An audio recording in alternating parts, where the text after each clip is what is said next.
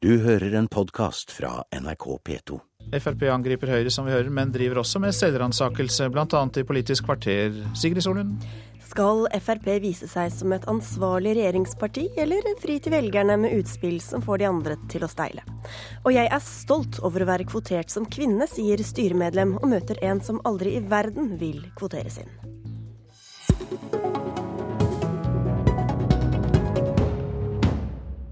Fremskrittspartiet må bli tydeligere, sa partiets nestleder Per Sandberg til TV 2 denne uka.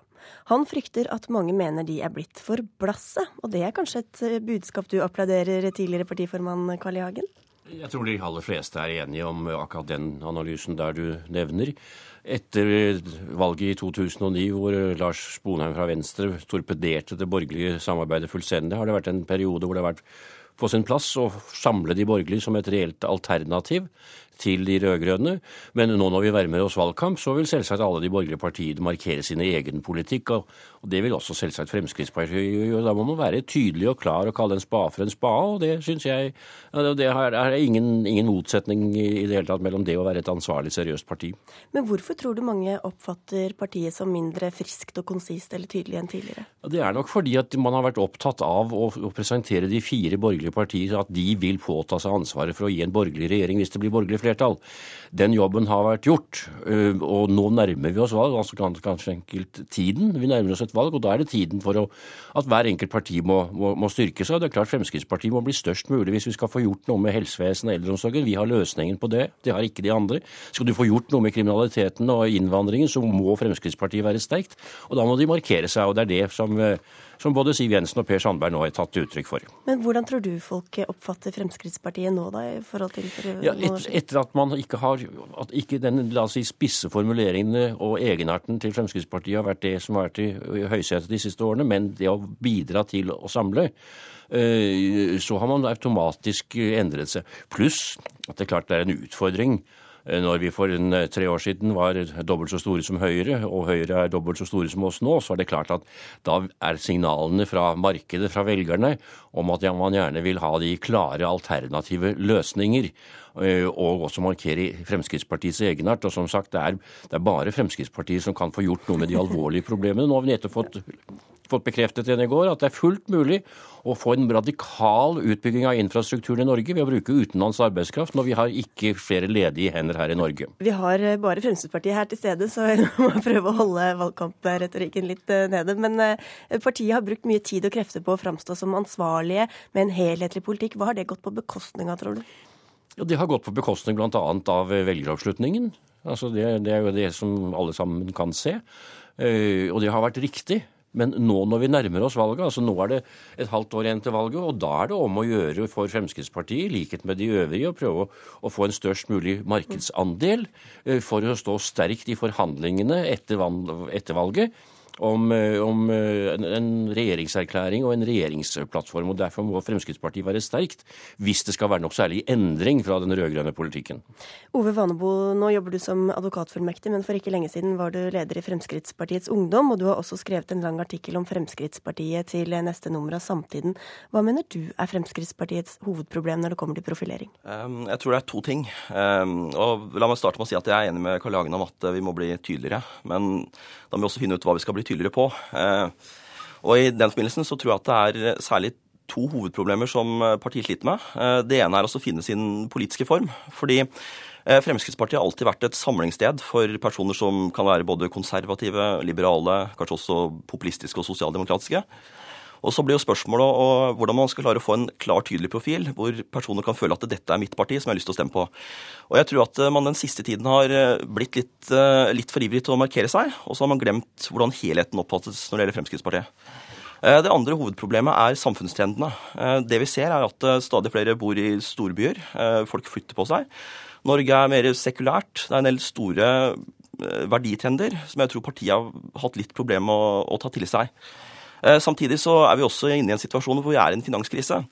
Og da tror jeg kanskje velgerne vil ha andre partier som assosieres litt mer med alvorlighet og, og, og, holde seg litt rolig i båten. Og hvis partiet da plutselig kommer med masse utspill, så tror jeg at det kan oppfattes som litt uh, upassende i den, den situasjonen man er i nå. Så det er nok veldig vanskelig å, å, finne hva man skal gjøre. Og jeg tror ikke at dette er noe endagsarbeid eller en quick fix. Dette er en lengre prosess man må jobbe med. Men det er også litt uenighet om hvordan man skal profilere seg. Men hvor, hvor tydelig og samstemt er det politiske prosjektet til Fremskrittspartiet? Eh, det er, tror jeg kan være litt vanskelig å si. Fordi man, man har jo selvfølgelig politikere som oppfattes som mer moderate, som Ketil Solvik-Olsen og Anders Anundsen. Så har du eh, eh, Per Sandberg som ønsker en mye tydeligere profilering av Fremskrittspartiets primærpolitikk. Eh, og jeg tror at alle de personene er viktige for å få Fremskrittspartiet i regjeringsapparatet. Men da blir også spørsmålet hvilken del av Fremskrittspartiet er det man ser? Og hvis svaret er synlighet, hva er spørsmålet? Eh, jeg tror at man i mye større grad må definere hvem skal partiet være til for, og hvem skal man nå ut til? Og hva skal det politiske budskapet være? Jeg, jeg tror ikke man kan nå ut til alle, og da må man finne ut hvem er det vi nå kan nå når vi nærmer oss valget. Siv Jensen anklager Høyre i dag for å prøve å være for like både Frp og Arbeiderpartiet, men hvor mye likere er Frp selv blitt de andre partiene? Nei, Det er jo klart at uh, partiet har forandret seg i løpet av 30-40 år. Det er jo en helt naturlig prosess uh, for et parti som blir større. Men uh, man kan jo sikkert stille spørsmål ved om vi har blitt for like. Det er jo klart at tilnærmingen for å komme i regjeringsapparatet og gjennomføre politikken, som er det viktigste, det fordrer jo at man må legge vekk noe av politikken, eller primærpolitikken. Men om man, man, har gått for langt i den retningen, det, det, tror jeg nok man må vurdere å, se på. For det er jo klart at det, Hvis vi skal søke sentrum, som nå er stappfullt av både Arbeiderpartiet og sentrumspartiene og Høyre, så tror jeg det er en veldig lite farbar vei, hvor vi da blir for like de andre og må da skille oss ut på retorikk som kanskje ikke alltid vil fungere. Karl Jagen, syns du dere er blitt, eller Frp er blitt for like de andre? I hvert fall inntrykket er det mange som har at vi er blitt det. Vi har kanskje ikke vært uh, gang på gang tatt frem de, de, politiske områdene hvor vi skiller oss, altså f.eks. når det gjelder finansieringen av helsevesenet og eldreomsorgen over folketrygden, ikke avhengig av kommunen. At det er klart vi har, kan sette i gang en massiv utbygging av infrastruktur i Norge. Vi har masse penger, og vi, kunne, vi kan gjøre ting. og Der har de andre stoppet av denne handlingsregelen. Så jeg syns vi må markere våre alternative løsninger på en, på en klarere og tydeligere måte. Og det har, tror jeg hele tiden har vært meningen at man skal gjøre når man nærmer seg en valgkamp. Du skrev et ganske irritert publisert innlegg på Facebook i forrige uke etter en NRK-debatt om asyl hvor Frp ikke ville stille. Du sa du skulle ta opp eh, saken med partiet. Gjorde du det? Jeg har fått klarlagt eh, hvem som tok beslutningen, og vedkommende har også sagt at det var en feil beslutning.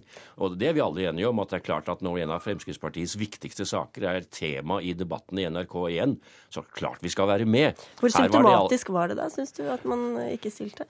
Jeg syns det var dramatisk, fordi eh, det var jo Arbeiderpartiets Pål Lønseth som eh, forklarte de synspunktene som Fremskrittspartiet har stått for alene tidligere, hvor Arbeiderpartiet har kommet noe etter oss. Og også her har vi vist vei når det gjelder innvandring og asylpolitikken, hvor, hvor nå Arbeiderpartiet har begynt å, å, si de samme tingene som det, det vi har gjort. Og, og Det var jeg glad for, men det er klart vi skulle ha vært med. Og det er jo alle enige om i ettertid. Eh, jeg tror nok også at man burde deltatt i den debatten for å opprettholde merkevaren Fremskrittspartiet.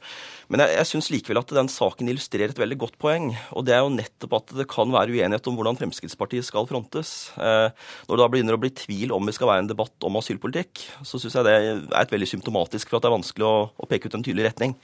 Eh, og jeg, jeg, tror at det man må gjøre nå, er å dyrke de noen sentrale saker. Men så er det også et problem for Fremskrittspartiet å få frem bredden i politikken. For det er jo klart at, eh, som Karl sier, så er vi jo gode på det eldreomsorg og samferdsel. Men så er det en tendens til at med en gang det begynner å gå litt galt, så begynner man å snakke veldig mye om innvandring. Jeg tror at man kan tjene på å få fram at det er en helhetlig politikk. Eh, og, og rett og slett oppfatte at velgerne er mer opptatt av, av flere ting. F.eks. skole, hvor vi da ikke har skåret så høyt. Jo, men det er klart at Når du har oppslag i TV-en om at en sånn som Hussein, som er altså en som motarbeider og kjemper mot det norske samfunn, hever i, i, i trygd eller fra, penger fra Nav mye, mye mer enn mange pensjonister har å leve av. Det er klart at da opprører det et helt samfunn. Og det er klart at da må Fremskrittspartiet ta opp innvandringsspørsmålet. Og den naive holdningen de andre har hatt, det er nødt til å ta opp det når det er en dagsaktuell affære. Jeg må bare på vegne av alle de andre partiene protestere her for at de ikke får være her og forsvare seg. Men takk skal dere ha, Carl I. Hagen og Ove Vanebo, for at dere kom til Politisk kvarter.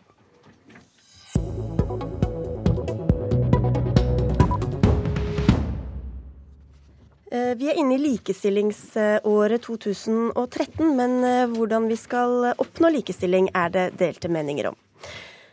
Eh, kvotering er et av de mest omdiskuterte virkemidlene, og i et innlegg på nettstedet Madam en tid tilbake dukket opp en litt uvanlig innfallsvinkel. Vær så god, kvoter meg inn, skrev du, Sunniva Holmås Eidsvoll. Hva får deg til å bli glad over å bli kvotert inn som kvinner? Ja, det, det er egentlig to grunner. To hovedgrunner. Den første grunnen den handler om hva slags type samfunn jeg ønsker å leve i, og ikke minst hva slags type organisasjoner og bedrifter jeg ønsker å jobbe i. Jeg ser at i dag så er vi veldig skjevfordelt av makt i Norge. Hvis du ser på ledere, så er tre av ti kvinner bare. Og i lokalpolitikken er 80% av ordførerne menn. I de, eh, de, børsnoterte selskapene av over 200 toppledere er det bare seks som er kvinner. Osv. osv. I akademia er bare to professorer kvinner. Og jeg vil veldig gjerne jobbe i en bedrift jeg som prøver å gjøre noe med den skjevfordelingen av makt. Så en bedrift eller en organisasjon som bruker kvotering, det, det ser jeg på som veldig positivt. Der vil jeg veldig gjerne være. Den andre grunnen, det er jo meg personlig. Hvis noen er på utkikk etter en kvinne og kontakter meg, så er det en anerkjennelse av min kompetanse og mitt engasjement. Og så gir det meg mulighet til, til å få nyttig styreerfaring og jobbe med saker jeg brenner for. Og det er ikke noe negativt at de er på utkikk etter en kvinne. Tvert imot, hvorfor skulle det være det? Jeg er jo kvinne. Så det gjør meg bare stolt. Mathilde Fasting, idehistoriker og siviløkonom i Tankesmien Civita. Hvordan ville du føle hvis du ble kvotert inn? Jeg ville føle at det var veldig problematisk. Jeg ville absolutt uh, mene at uh, da ville jeg få svakere selvfølelse. Jeg ville føle meg urettferdig behandlet. Og jeg ville føle at jeg ikke var eh, ansatt eller valgt inn pga. evnene mine, men pga. kjønn. Og det har jeg aldri heldigvis opplevd, men eh, jeg er klar over at eh, i, i radikalkvotering i hvert fall, så vil jo det at jeg er kvinne da spille en rolle, og det vil jeg synes være, være veldig, veldig problematisk, og vil jeg nok si nei til det. Hvordan kan du unngå å føle en slags mistanke på deg, Holmås Eidsvoll, for at du kanskje blir valgt over noen andre pga. kjønnet ditt?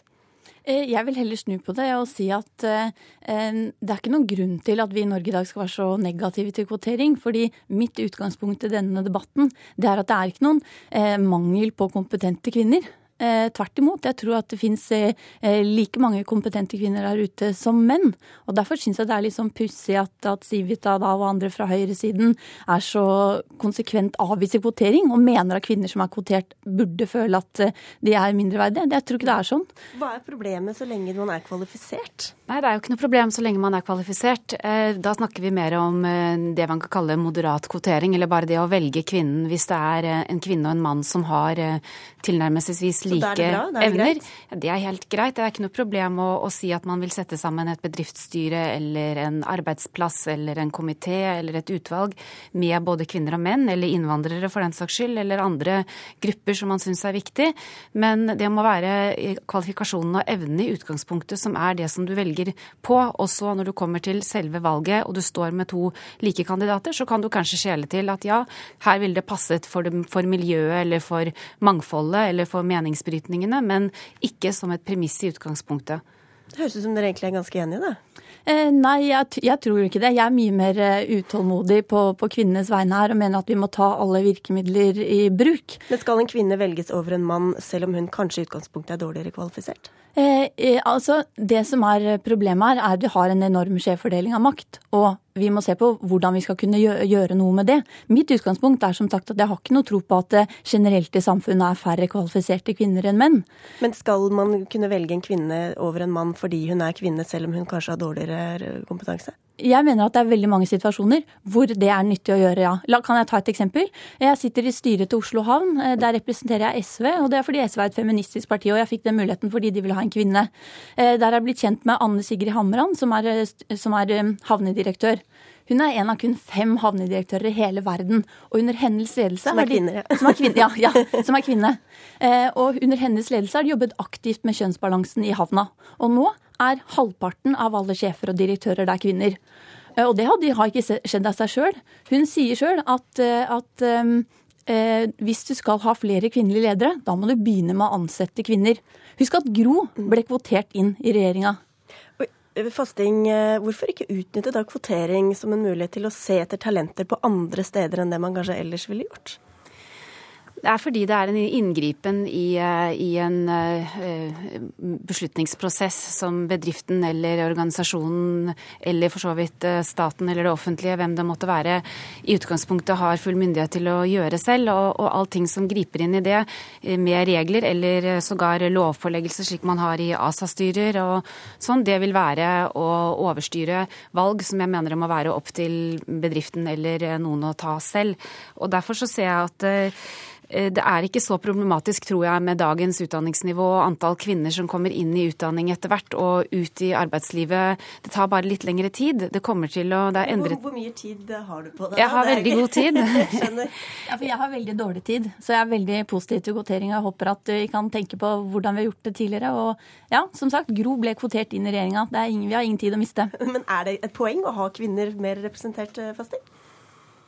Ikke hvis ikke de, de, må være kvalifiserte. Da kan det være et poeng. Og jeg tror eh, at en arbeidsplass også f.eks. har godt av at det er både menn og kvinner til stede. Men det må jo de som leder den arbeidsplassen selv ta stilling til om de syns eller ikke. Og jeg tror at det har endret seg en del, også fordi du har fått mange flere kvalifiserte kvinner i de siste 20-30 årene. Så, så, har det skjedd veldig mye. Kvinner har kommet ut i arbeidslivet. Så der hvor det er et problem, det er jo kanskje heller på de store kvinnearbeidsplassene hvor det knapt nok er en mann.